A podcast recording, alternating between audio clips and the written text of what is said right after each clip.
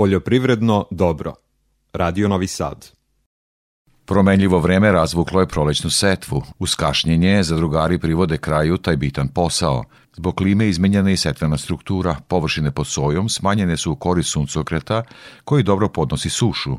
Ovog proleća kao i mnogo puta do sada, dokazana je tvrdnja da je poljoprivreda fabrika na otvorenom. Kako za poljoprivredno dobro podsjeća predstavnik Zadružnog saveza Vojvodine Petar Radić, sve je bilo spremno za setvu, ali se nije moglo u njive. U ovoj emisiji Jeste, ova godina je vrlo specifična. Ovaj, mi smo imali, da kažem, početak same, same setve, odnosno setva šećerne repe još kako tako prošla, ali onda nam je došla i one mrazi, ono čak snegić i, i kišovito vreme, tako da je e, da su, da kažem, gro ovih jarih useva za setvu, tu pre svega mislimo na kukuruz, suncukrit i na soju, ovaj, dosta problematični i sad se bukvalno E, otima svaki slobodan i lep trenutak da se da se ovaj izvrši setva. Sve više poljoprivrednika opredeljuje se za proizvodnju uljane repice. Kao jesenji usev dobro izbegava sušu i visoke temperature, ali zahteva preciznu mehanizaciju i obučenog poljoprivrednika. O tome govorimo u temi emisije. Pričat ćemo i o vinogradarstvu i vinarstvu, jer je ta grana poljoprivrede direktno vezana za agrarni turizam, koji je usponu i koji treba podržati. U emisiji pratimo i aktuelnosti sa berze kao i sa tržišta žive stoke. Toliko u uvodu sledi izveštaj agrometeorologa iz Hidrometeorološkog zavoda Srbije Ljiljane Đingalašević. Prvi dani maja obeleženi su promenljivim vremenom. Temperature vazduha su bile u okviru prosečnih za ovo doba godine. Jutarnje minimalne temperature bile su u intervalu od 4 do 15 stepeni, a maksimalne dnevne su bile od 14 do 25 stepeni. Optimalni rok za setvu prolećnih useva je završen, ali ima još parcela gde se obavljaju preostali poslovi. Setveni sloj zemljišta ima optimalnu temperaturu i vlažnost, tako da se klijanje i nicanje kukuruza, suncokreta i soje odvijaju neometano, kao intenzivan porast ozimih useva. Tokom ove sedmice bilo je povremenih padavina uglavnom u centralnim i jugoistočnim delovima zemlje. Dospele količine bile su od 1 do 10 mm. Tokom sedmice bilo je aktivnosti velikog broja insekata štetočina. Šećerna repa koja je u početnim fazama razvoja je izuzetno osetljiva na napad repine pipe. U zasadima kruške su prisutni svi stadijumi razvoja kruškine buve. U toku je polaganje jaja prve letnje generacije. U zasadima bresaka i nektarina je registrovano prisustvo zelene breskvine vaši i breskvinog smotavca, kod koga je počelo piljenje larvi prve generacije. U pogledu biljnih bolesti period primarnih infekcija od prouzrokovača čađave pegavosti lišća i krastavosti plodova jabuke je u toku. Postoji i visok rizik od infekcije cveta prouzrokovačem bakteriozne plamenjače jabučastog voća, dok su na osetljivim sortama jabuke prisutni simptomi pepelnice jabuke u vidu belih mladara. Prema prognozi, tokom naredne sedmice očekuje se prosečno toplo vreme sa maksimalnom temperaturom u većini mesta od 20 do 25 stepeni. Samo će u Negotinskoj krajini biti malo svežije, od 18 do 20 stepeni. Tokom dana biće promenljivo i nestabilno sa uslovima za lokalne pljuskove sa grmljavinom, koji će početkom sedmice biti češći. U košarskom području će od utorka duvati umeren, povremeno jak jugoistočni veter, na jugu Banata sa udarima olujne jačine. Za Radio Novi Sad iz Republičkog hidrometeorološkog zavoda Ljiljana Đinglašević. Promenljivo vreme razvuklo je prolećnu setvu. Uz kašljenje za drugari polako privode kraju taj bitan posao. O tome sam razgovarao sa predstavnikom Zadržnog saveza Vojvodine, Petrom Radićem. Petre, pretpostavljam da kiša smeta našim sada poljoprivrednicima da uđu u polja i da nastave radove? Jeste, ova godina je vrlo specifična. Ovaj, mi smo imali, da kažem, početak same, same setve, odnosno setva šećerne repe još kako tako prošla, ali onda nam je došla i one mrazi, ono čak snegić i, i kišovito vreme, tako da je e, da su, da kažem, gro ovih jarih useva za setvu, tu pre svega mislimo na kukuruz, suncukrit i na soju, ovaj, dosta problematični i sad se bukvalno e, otima svaki slobodan i, i lep trenutak da se, da se ovaj izvrši setva. Kakva je temperatura zemljišta? Dakle, kakvi su ono agronomske usloje? Ako zanemarimo kišu i to što je sprečava poljoprivrednike da uđu mehanizacijom, ali... Pa, pa vrlo, vrlo ovaj, interesantno, znači, gornji sloj je e, ili blago ovaj nakvašen ili dan, dva vetar, pa je već prašina, a ispod je vlaga. Ali generalno temperature zemljišta su iznad već 8-9 stepeni Celzijusa, pa do nekih čak 10-11, jel da sve zavisi od doba dana kad se meri to, ovaj, i generalno, znači, svako slučaju, i što se tiče temperature zemljišta, i što se tiče kalendarski, svakako je sad ovaj, pod mus da se što pre poseje. Naravno, tema su zadruge, šta je ono što se sada seje i šta je ono što zadrugari procenjuju da je ekonomski interesantno? Dobro pitanje. Mislim tu sad niko ovaj e, nije pametan u, u, u fazi kada su naši proizvodi a, pre svega mislim na kukuruz pšenicu i, i, i soju relativno niske i, i cene su kao i pre nekih recimo 5, 6, čak i više godina ovaj, a cene inputa goriva, đubriva, otišlo semena, hemije, otišlo drastično ovaj gore. Pitanje je šta sejati. Generalno, zbog one uredbe ovaj, prošlogodišnje s jeseni oko, oko zašećenu repu, znači primećeno je da je nešto povećano bila ovaj interesovanje za setu šećerne repe, ovaj ali i, i ta i ta kako se zove premija od 35.000 dinara po hektaru na pet vagona plative repe će tek biti na jesen, znači u kampanji ostvarena. Znači, generalno, ovaj, e, primećeno je da se da će biti manje ovaj soje, pre svega znači zbog prošlogodišnjeg katastrofalnog roda i problematične cene, već ovaj primećeno, a možda nešto više interesenata sad za suncukret, znači definitivno će suncukret sad posle kukuruza u jarim usevima izaći kao broj 2, ali opet tu postoji jel da neko ograničenje, ne možete e, suncukret u monokulturi i ovaj morate ovaj obratiti pažnju na plodored, ali generalno mislim da će ovaj suncukret se ovaj pojaviti znači u ovim jarim usevima sigurno kao kao usev broj 2, a kukuruz standardno s tim da ovaj, pitanje sad kod, kod ovih, da kažem, intenzivnih hibrida, da li ići na onu baš super gustu setvu, 75-80 hiljada ovaj, biljaka, ili ćemo možda malo prorediti, pa znači sve je u Božijim rukama i pitanje pošto je da gro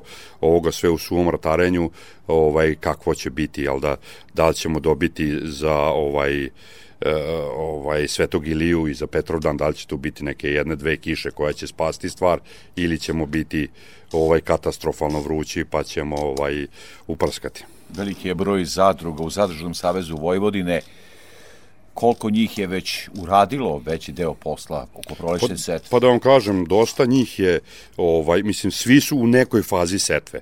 Ovaj, Malo njih su završili setve, znači zadruge koje imaju neke manje površine su i završile, uhvatile su ovih par lepi dana, mehanizacija je bila pripremljena, prvi put je odrađena ovaj, predsetvena priprema, odnosno zatvaranje, jel da, zimske brazde, odma odrađena i druga i sad ko je već ovaj neki su stigli, neki kreću, opet ovih par kišica tu sad će malo pokvariti utisak, ali generalno ja mislim da će tu već do iza 1. maja gro svega već biti posejano i, i u zemlji i onda da, mislim možda je to možda malo proboj što se tiče e, ovaj set, vreme setve, ali generalno mislim da to još uvek nije nešto problematično i da ćemo eto možda sa nekim ovim u kukuruzu kraćim FAO grupama ili ili ili ovaj e, kod ovih hibrida koji brže otpuštaju vlagu da nećemo izgubiti korak korak kad je u pitanju proizvodnja kukuruza ove godine. Možda da kratko se osvrnemo ovaj, i na stočarstvo, pošto ima i zadruga koja ima i stočarstvo. Kakva je tu situacija? Znamo da je dosta teška situacija e, u, u tom delu poljoprivrede. Kako zadrugari posluju? Pa da vam kažem, što se tiče stočarstva, nažalost, e, stočarstvo je ogledalo poljoprivrede, a naše stočarstvo je onako ovaj baš ne mogu kasti na kolenima, mislim da je to čak i ispod, ovaj, ispod tog nivoa, a generalno je da govedarstvo kao, kao glavna grana, ovaj, tu su veliki problemi, bideli, bili smo svedoci da, da Srbija kao jedna agrarna zemlja nije imala svog mleka, da se da su uvoznički lobi radio na, na ovaj uvozu mleka u prahu, jel da kojeg u Evropi ima u obilnim količinama i da je matematika se više pravila na tome. Nažalost, to je ona priča da, da, da ovaj, primarna proizvodnja nije zadržala deo vlasništva u prerađivačkoj industriji, znači nisu oni koji drže krave i farme i zadruge i seljaci vlasnici mlekara pa da deo profita ostvaruju jel da, u, u, ovaj, kroz, kroz dobit ovaj, firme, nego su, nažalost, ovaj, nisu u tom reprom lancu, tako da se ovde samo gleda isključivo ovaj profit i generalno e, i kada je u pitanju e, ovaj govedarstvo, evo sad smo svedoci da je, da je recimo prasetina skuplja od jaknjetine, što evo i, i vi ja imamo nešto malo sede kose na glavi, pa da. to baš nije tako bilo ovaj, kad god slučaj, ali generalno dosta se poremetilo to kad je u pitanju stočarstvo i pariteti, e, cena jaja, mislim, svi su generalno uopšte e, ovaj, proizvođači ribe, svi su generalno u problemu i, i pitanje je sad kako to kako to ovu ratarsku proizvodnju oploditi i dodati joj neki, neku vrednost kroz stočarstvo, a i stočarstvo izvući, jel da, stajnjak i ovo sve i vratiti kao organsku materiju u ratarstvo, jel da, u, u biljnu proizvodnju, generalno vidim da tu postoje veliki problemi kada je, kada je ovaj, naša poljoprivreda u pitanju. Petar Radić, Zadružni savez Vojvodine, veliko hvala za ovaj razgovor i želim ti mnogo uspeha u poslu ovom na svom gazdinstvu. Pa naravno, hvala ste evo i vama i vašim slušalcima, ne kažu naši dža, stari džabe kako ovaj seješ, kako ćeš iznijeti, znači moramo sad odraditi ovaj, ovaj deo što se tiče setve kvalitetno da bi evo, se nadali posle da imamo i, i znači taj neki rod za skidanje. Hvala još jednom. Hvala, prijatno. Promenljivo vreme pravi probleme u biljnoj proizvodnji, o čemu slušam u izveštaju Milene Marčić iz prognozu izveštene službe za zaštitu bilja. U zaštiti voća aktuelna je zaštita od biljnih vaši. Ovo proleće je izuzetno povoljno za razvoj ove grupe insekata, gotovo da nema zasada gde nisu prisutne vaši, uglavnom na naliču listovima, ali negde i na mladim plodovima – Ove štetočine pričinjavaju direktne štete tako što sisaju sokove biljaka i izazivaju razne deformitete, listova, plodova, a indirektne štete se ugledaju u tome što prenose fitopatogene viruse. Pored vaši, u zasadima voća je počelo i piljenje najznačajnijih smotavaca, breskinog smotavca, šljivinog smotavca, a za koji dan se očekuje i piljenje jabukinog smotavca. Počelo je naseljavanje proizvodnih zasada voća sa dve invazivne vrste stenica, sa zelenom ili povrtnom stenicom i sa brown mramorastom stenicom.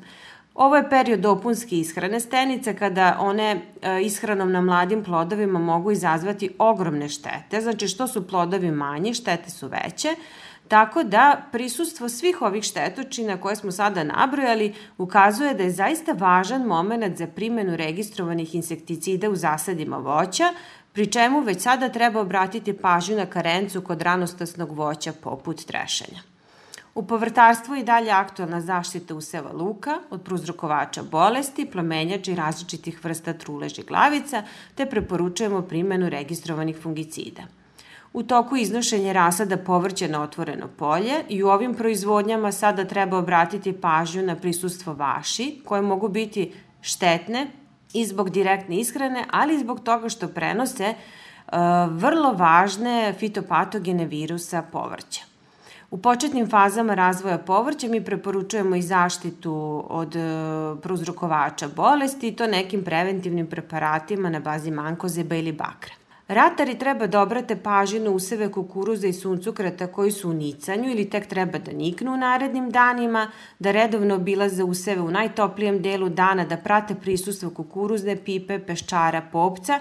To su sve insekti koji u početnim fazama razvoja biljaka mogu naneti velike štete, a posebno su ugroženi oni usevi koji se graniče sa prošlogodišnjim istim usevima ili oni u uskom plodoredu. Usevi ječma su ušli u fazu cvetanja i to je period kada se preporučuje primjena fungicida radi zaštite klasa. Naglašavamo da je ove godine ovaj tretman od posebnog značaja i zbog intenzivnog prisustva patogena lista i važno je znati da se registrovani fungicidi uvek primenjuju pre padavina na početku cvetanja. Usevi pšenice se na području Vojvodine nalaze u fazi od zastavičara do klasanja, od nicanja useva, od prošle jeseni. Redovno, gotovo svakom našem izvaštavanju smo informisali o izuzetno povoljnim uslovima za razvoj prouzrukovača bolesti usevima pšenice i o potrebi sprovođenja mera zaštite fungicidima. Usevima gde su do sada sprovedena dva tretmana po preporukama prognozu izveštene službe za zaštitu bilja Vojvodine, zdravstveno stanje useva je dobro i prisustvo simptoma bolesti je na niskom nivou. Međutim, na jednom broju parcela gde su izostale mere zaštite ili su one sprovedene dosta kasno ili su primenjeni neadekvatni fungicidi sa jednom aktivnom materijom u nižim dozama, došlo je do širenja simptoma bolesti, prvenstveno žute lisne rđe i to pogotovo kod osetljivog sortimenta. Nažalost, moramo reći da će na takvim usevima iz provedenog tretmana doći do daljeg razvoja žute lisne rđe, svakako očekujemo značajno smanjenje prinosa usled štetnog delovanja patogena.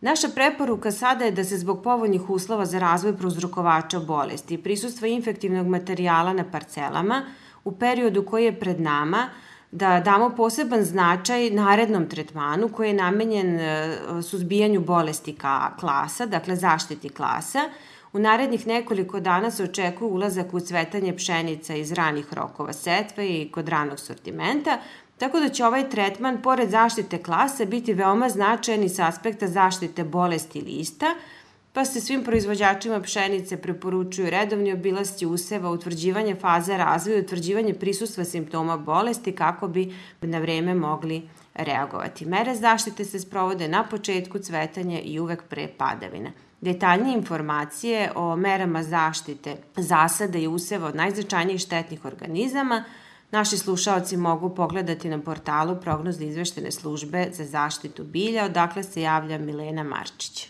O trgovanju na Novosadskoj produktnoj berzi izveštava Andreja Matijašević.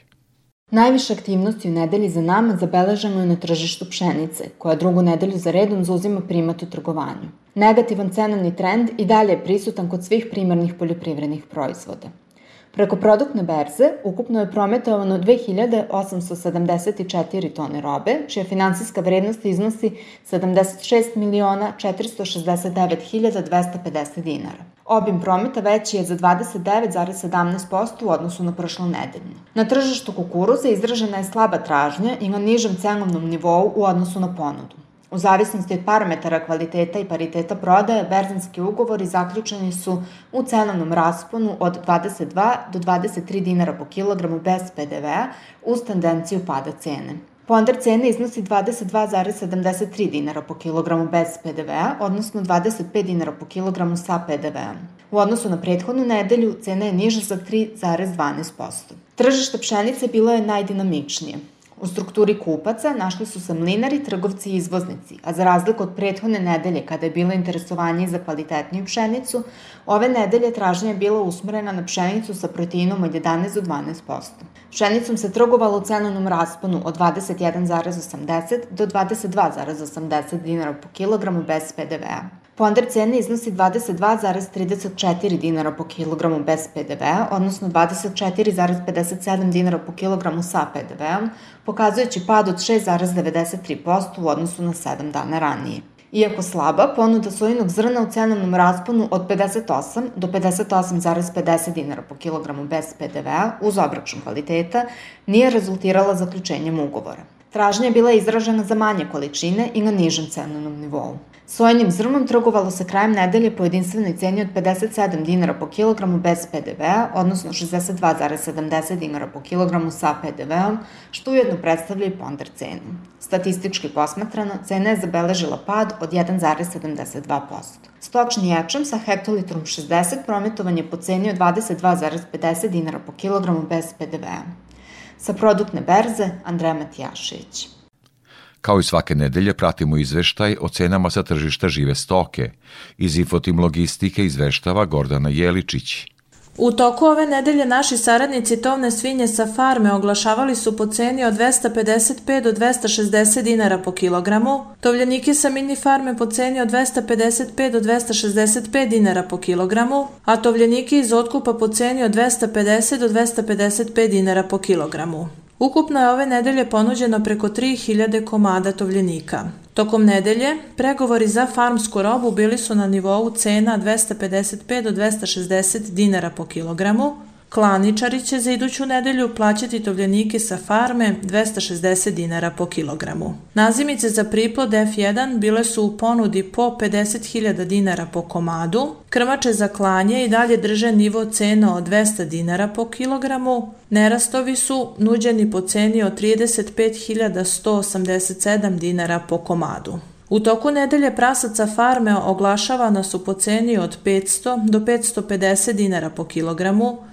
Prasaca mini farme po ceni od 509 do 555 dinara po kilogramu, a prasad iz otkupa po ceni od 500 do 505 dinara po kilogramu.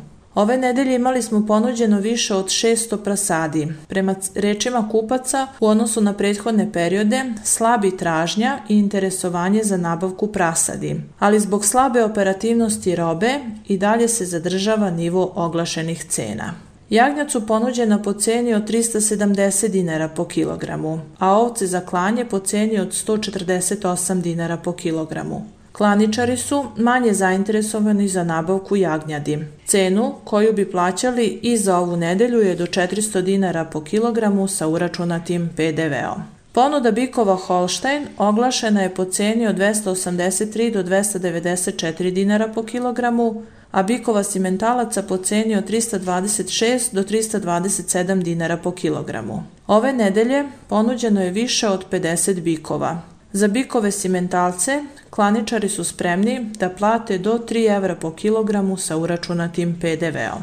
Kad je živina u pitanju, tovni pilići bili su u ponudi po 175 do 203 dinara po kilogramu, Jednodnevni pilići teške linije ponuđeni su po ceni od 55 do 59 dinara po komadu, Tronednevni pilići bili su u ponudi po ceni od 155 dinara po komadu, a koke nosilje su bile ponuđene po ceni od 555 do 800 dinara po komadu. Cene su izražene bez PDV-a. Za Radio Novi Sad, Gordana Jeličić iz Infotim Logistike.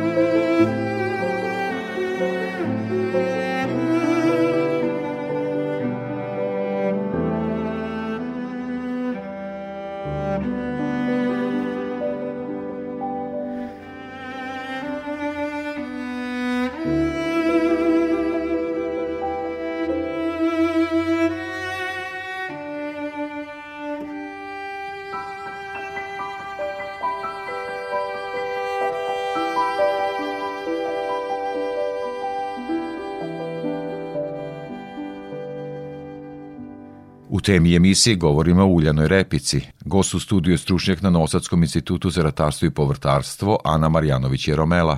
Izuzetno lepa slika Vojvodine, žuta boja po svim maltene njivama, izuzetno lep prizor uljane repice, dakle. Govorimo u temi emisije Poljoprivredno dobro o usevu uljane repice. Ana Marjanović Jeromela, Institut za ratarstvo i povrtarstvo u Novom Sadu, najbolji poznavalac stanja na terenu. Evo, da li sam dobro krenuo, to je zaista fascinantno kako ta žuta boja privlači. Da, žuta boja uljane repice privlači oko tako da nam se čini da je možda ima i više na našim njivama ovog proleća nego što je zaista ima, ali je evidentan je porast površina i računamo da imamo oko 40.000 hektara ove godine, što je jedno značajno povećanje od 30 do 40% u odnosu na prethodnu vegetacijone sezone. Svakako žuta boja privlači e, mnoge posetioce koji se i fotografišu u usevu uljano repice, ali i pčele koje su značajni posetioci polinata polinatori, a uljana repica značajna medonosna biljka. Nešto ćemo kasnije o tome, pretpostavljam da treba podsjetiti e, proizvođače o zaštiti pčela, ali to ćemo nešto kasnije. Kako je stanje useva?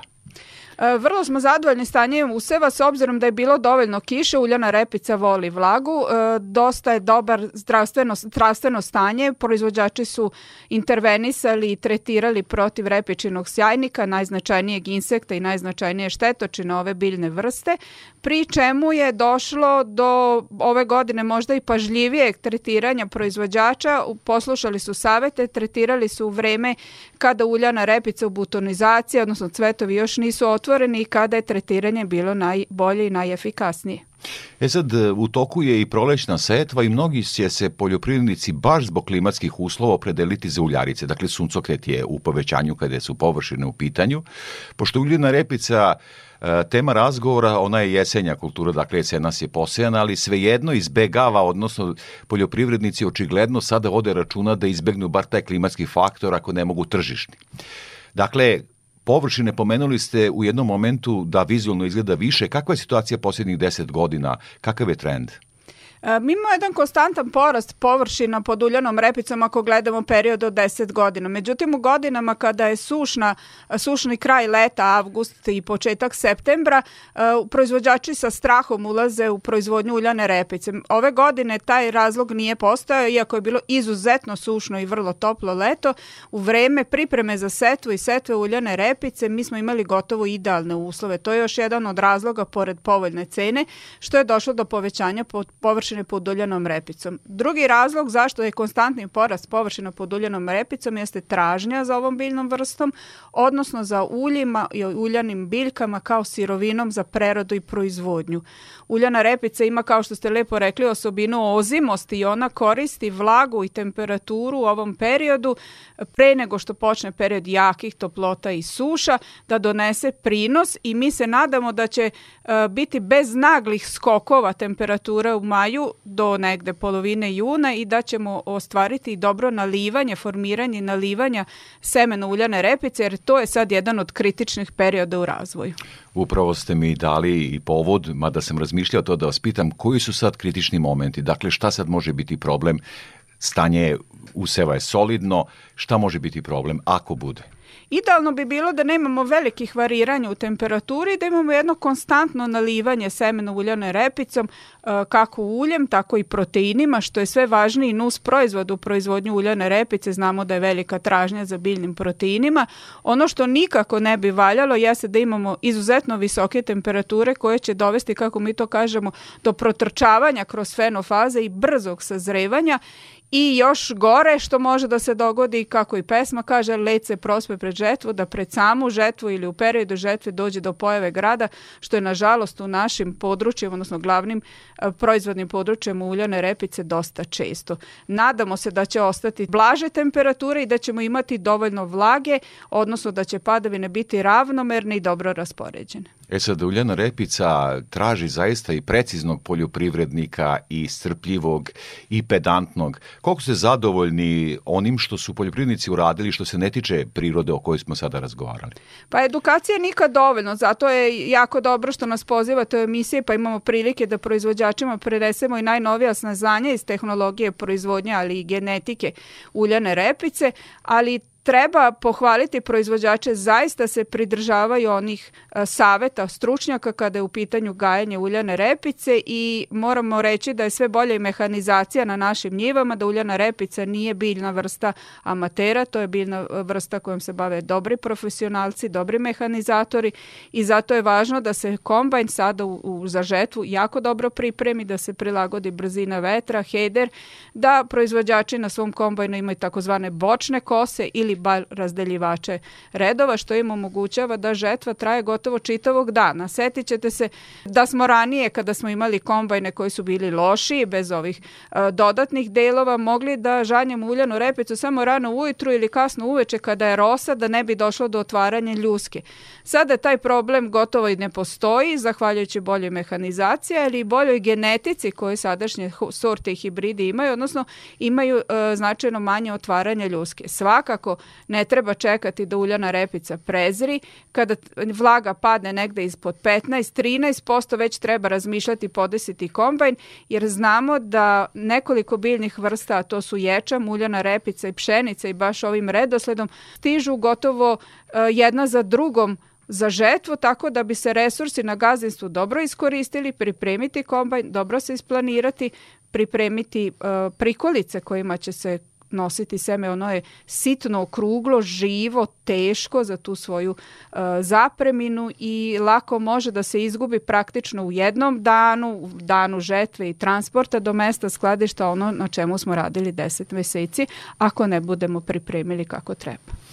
Ovo proleće je zaista čudno, bilo je hladnih dana i uopšte hladno proleće u početku. Naši voćari se dobro sećaju i dobro su, da kažem, osetili šta znači nedostatak polinatora.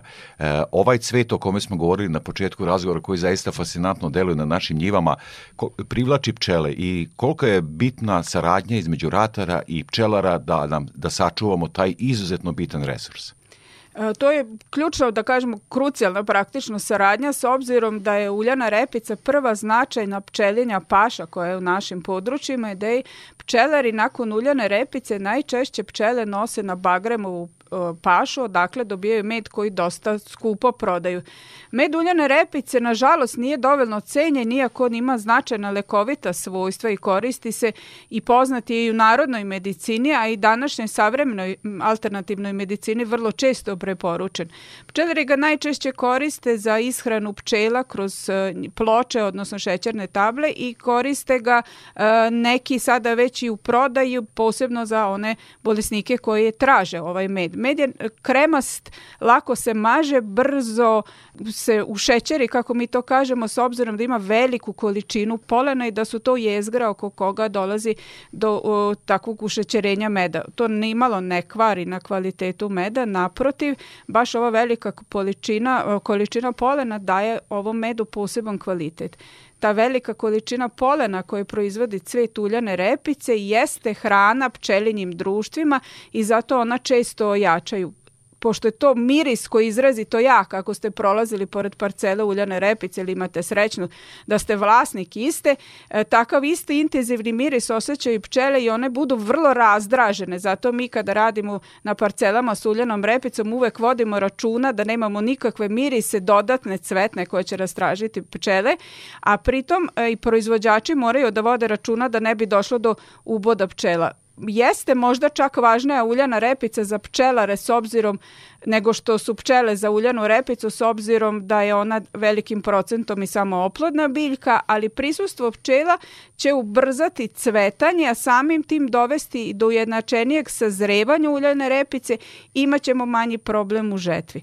Uljana repica, kao što znate, ima centralnu i bočne grane, one ne sazrevaju jednakom brzinom jer i ne cvetaju jednovremeno. Zato je bitno da se ovaj, ova faza što više ubrza da bismo samu žetvu obavili što je kvalitetnije moguće. Ali svakako je bitna i sinhronizacija da pčelari obrate pažnju, odnosno da im ratari koji proizvode uljanu repicu jave kada su tretmani, da se to izbegne trovanje. Da, to je jako važno, to ne samo što je moralno i etički, to je i zakonom praktično obezbeđeno da je strogo zabranjeno trovanje pčela, da se tretira uljana repica pre otvaranja cvetova i nikako u aktivno vreme leta kako medonosnih pčela, tako i drugih polinatora. Znamo da veliki broj drugih polinatora posećuje uljanu repicu i da je zaštita to, te prirodno raznolikosti jedan od osnovnih zadataka koji se danas javljaju gotovo svim direktivama i preporukama. Zato proizvođači moraju stalno da budu u kontaktu sa pčelarima da bi jedni drugima javljali ne samo kad je e, vreme da donesu pčele, nego je vreme kada da odnesu pčele ili da ih ne donesu pre tretiranja i samo ovim zajedničkim radom pčelara i proizvođača možemo postići i maksimalni prinos uljane repice i veliki prinos meda. Evo sad, nakon razgovora koji je uglavnom bio vezan za agronomiju, dakle za uslove e, dobre proizvodnje uljane repice, tržište. Dakle, pomenuli ste da konstantno rastu površine pod, ili da su stabilne površine pod uljanom repicom. Kada je tržište u pitanju, koliko je to motiv za proizvođače? Proizvođačima je jako važno da imaju koliko god je to moguće sigurnosti u ceni i tržištu uljane repice. Evidentno je da smo prošle godine imali jednu veoma lepu cenu za ovu vrstu sirovine kao što su uh, semena uljanih biljnih vrsta, ne samo uljane repice, nego suncogreta, soja i drugih vrsta iz kojih se dobija ulje, ali isto tako se sada beleži na tržištu ne, jedan pad E, merkantilnih proizvoda, odnosno semena ovih biljnih vrsta, jer pada i cena nekih resursa kao što su đubriva. Znamo da su proizvođači uložili novac u mineralni đubrivo neki od njih i po onoj, nazovimo to staroj ceni uh, ovih uh, inputa u proizvodnju, tako da će to njima poskupeti proizvodnju, a s druge strane svi sa nestrpljenjem očekuju da vide kakva će biti finalna cena u momentu otkupa. Industrijsko bilje ima tu to svojstvo da ne može da se dugo skladišti van kontrolisanih i dobro uh, formiranih skladišta, odnosno proizvođači koji nemaju takve silose moraju praktično da predaju seme uljane repice, suncokreta, soja i, i drugih industrijskih biljnih vrsta, tako da nema te kalkulacije velike sa čuvanjem, ali sam sigurna da će i cena koja će biti formirana na tržištu opravdati proizvodnju uljane repice ove godine i da će proizvođači u novu vegetacijnu sezonu koja će doći izuzetno brzo.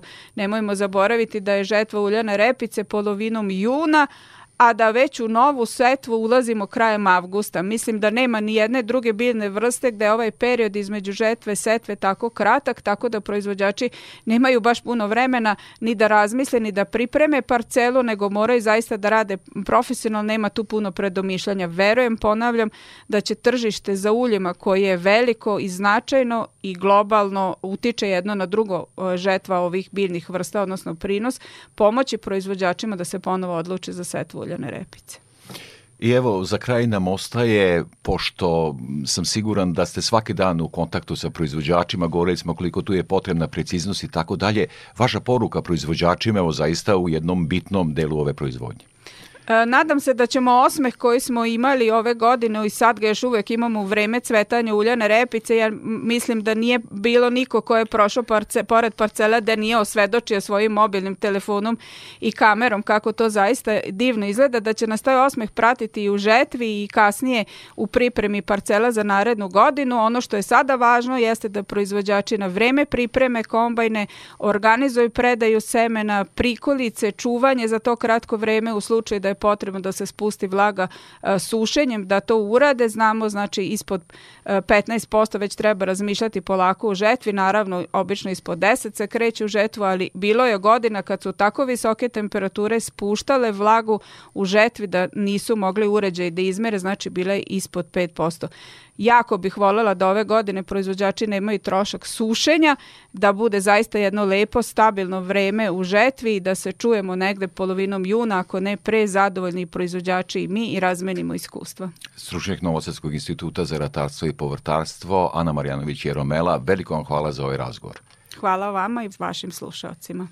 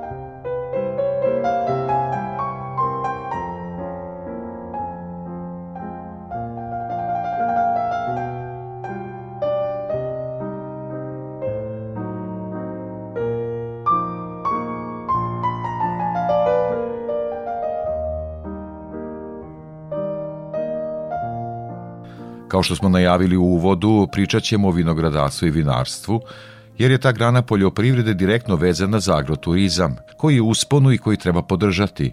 Moj sagovornik je vinogradar i vinar iz Iriga, Sava Jojić. Savo, evo, pred kraj je i prolećna setva u ratarstvu. Kakva je situacija u našim vinogradima? U vinogradima je odlična situacija. Vreme nam je baš išlo na ruku, ja govorim za ovaj područje naše Fruške gore, nismo imali do sada nekih niskih temperatura, poznih mrazeva, imali smo dovoljno kiše, vreme je odlično, tako lastari baš onako izlaze veoma dobro. U ratarstvu ima problema kod zaštite bilja. Šta je sa zaštitom vinove loze, kako je to ove godine? Mi smo počeli ove preventivne zaštitarske mere, odnosno prskanje od prezimljujućih oblika raznih štetočina i bolesti, što je uobičajeno, tako da to ide svojim tokom bez nekih većih problema i nema nikakvih najava za sada da ima nekih štetočina da se pojavili. Kakva je situacija na tržištu vina? Pa mislim da nije zadovoljavajuća. Mislim da se posle korone još uvek nije dovoljno oporavilo.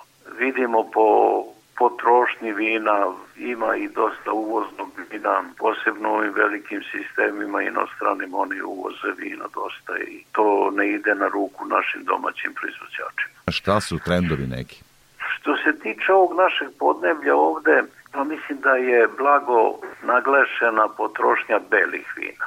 Jedan tradicionalni odnos da se ovde piju nešto više bela vina, iako što se proizvodnje tiče da smo negde na pola u smislu da li bela ili crvena vina, nema nekih izrazitih opredelenja za nešto da će biti više crvena ili bela vina. Evo, svedoci smo klimatskih promena. Dakle, e, a ovde bar u našim uslovima sve žarkija, intenzivno topla leta, yes, bez yes. zima. Kako se to odražava na kvalitet i crvenog i, i belog vina? Pa vidite, to se relativno nepovoljno odražava na kvalitet. Imamo grožđe sa puno šećera i puno alkohola. To je jedan ubrzani proces stvaranja šećera, ali vinova loza ne može da izvuče, ne može da dostigne fenolnu zrelost. Tako da naša vina postaju manje aromatična, manje uzbudljiva na miris. I teško je sad tu odrediti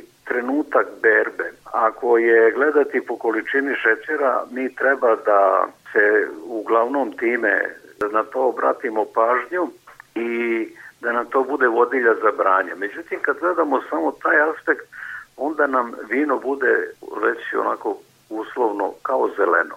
Nije dovoljno bilo te fenolne zrelosti. S obzirom na više temperature, loza brže buja, stvara se veća lisna masa, ona više upija sunce, više dolazi do stvaranja šećera i tako. To je jedan relativno nepovoljan proces, ali s druge strane to će omogućiti nama na Fruškoj gori i severnije da sadimo sorte koje dosta nisu bile zastupljene kod nas. Tu prvenstveno mislim na crvene sorte kao što su Cabernet ili neke sorte koje su karakteristične tamo južnije za Vranje, Makedoniju, Južnu ili tu Crnogoru, Trebinje i tako. Mnogo se govori o agrarnom turizmu. Fruška Gora zasigurno ima veliki potencijal u tom smislu. Koliko naši vinogradi mogu i naše naravno vino i vi vinari možete doprineti tome da postane prepoznatljiva na, na, na mapi Evrope sveta? Što se tiče agrarnog turizma, on je zaista u jednom tako uz, usponu ili uzmahu. Mislim da Fruška Gora je dominantna u Srbiji, da u tom pogledu je najviše iskoračila. Ono što je karakteristično za sve vinogradare, odnosno vinare, svi žele da dovedu turiste u vinograd, tam je prepreka putevi. Znači, ako je suvo vreme, nema padajna, često bez problema dolazimo do vinograda. Međutim, čim počne neka kiša, naši su putevi poljski, znači nemamo mi tu makadame ili neku čvrstu podlogu i teško je dovesti turiste. Ali se trudimo bar da ih dovedemo do vinarije. I to je veliki izazov za sve nas, jer to je prodaja vina na pragu sa najmanje troškova, a odmah se inkasiraju sredstva finansijska.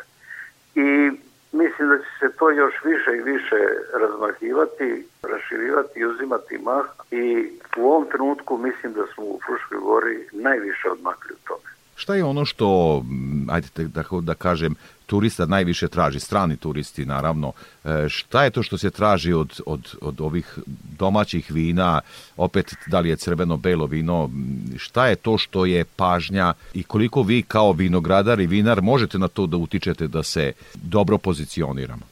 Strani turisti, to nije samo karakteristično za nas, še područje ovde, svuda u svetu kad dođu, oni žele da probaju lokalnu hranu i piće. I kod nas ovde kad dolaze stranci želi da probaju našu hranu i naša lokalna vina. E tu sad nailazimo na jednu situaciju koju je teško pomiriti. Mi imamo jako malo samorodnih naših sorti imamo mnogo više globalnih sorti. Sad kad dođe jedan francuz, teško mi sad njemu da nudimo šardone ili merlo kad on dolazi iz zemlje šardonea ili merloa. Ali mi možemo da im ponudimo bar ovde kod nas na našem području, da li će to biti grašac, da li će to biti probus, prokupac, koji inače baš i nije nešto zastupljen na Fruškoj gori, to su vina skromnih potencijala i malog uzbuđenja. Tako da mi vinogradari smo baš i vinari tu u velikom raspeću. A ti turisti, oni ne, oni ne žive ovde i ne dolaze svaki dan. I da li sad samo zbog njih cela naša vinogradarska usmerenja da budu sadnja probusa i grašca i portogizera i kome to prodavati. Jer naši građani koji su dominantno naši kupci, oni neće da piju ta vina ili ne u meri koja će biti tako izražena da mogu da popiju sva vina koja mi proizvedemo. Znači, mi moramo i treba da u svom asortimanu imamo nešto naših sorti, ali nama i dalje ostaju dominantne globalne sorte koje su manje više svuda u svetu prisutne. Ne treba bežati ni od Merloa, ni od Sauvignona ili Širaza ili već šta je sve u nekog Pinoa, šta je sve na raspolaganju uz napomenu da treba imati neku domaću sortu. Nismo mi razvijali domaće sorte, mi, se, mi smo sada u procesu da razvijamo sorte, pa smo taj sad grašac nekad zvali italijanski rizling, ovo već grašac ili grašica ili graševina je primeren izraz ovom podneblju i našoj tradiciji, jer italijanski rizling je nova jedna kovanica, sad nemamo vremena da pričamo dugo o tome, mi vinari iz udruženja Srem Fruška Gora smo istražili tu situaciju i mislim da će uskoro to biti i publikovano kako se došlo do tog imena italijanski rizling, to je izreka, nije to italijanski rizling, to je naša autentična sorta koja se zove grašac. U Hrvatskoj su je zadržali pod nazivom graševina, što je sasvim u redu i kod nas se polako naši vinari prelaze na to ime. Znači to treba saditi, treba saditi probus, eventualno silu, to su sorte koje je uvela u proizvodnju naš institut za vinogradarstvo na Poljoprivrednom fakultetu u Novom Sadu. Eto, to su nam mogućnosti od tih domaćih sorti. Savo, za kraj razgovora pomenuli smo, odnosno pomenuli ste e, tržište kao sada već malo problematično. Šta je to što bi eventualno nadležni e, mogli da urade da vam pomognu da bolje poslujete? Da oni uvode neke državne mere za zaštitu ili pospešivanje prodaje našeg vina to nije za očekivati i nije realno.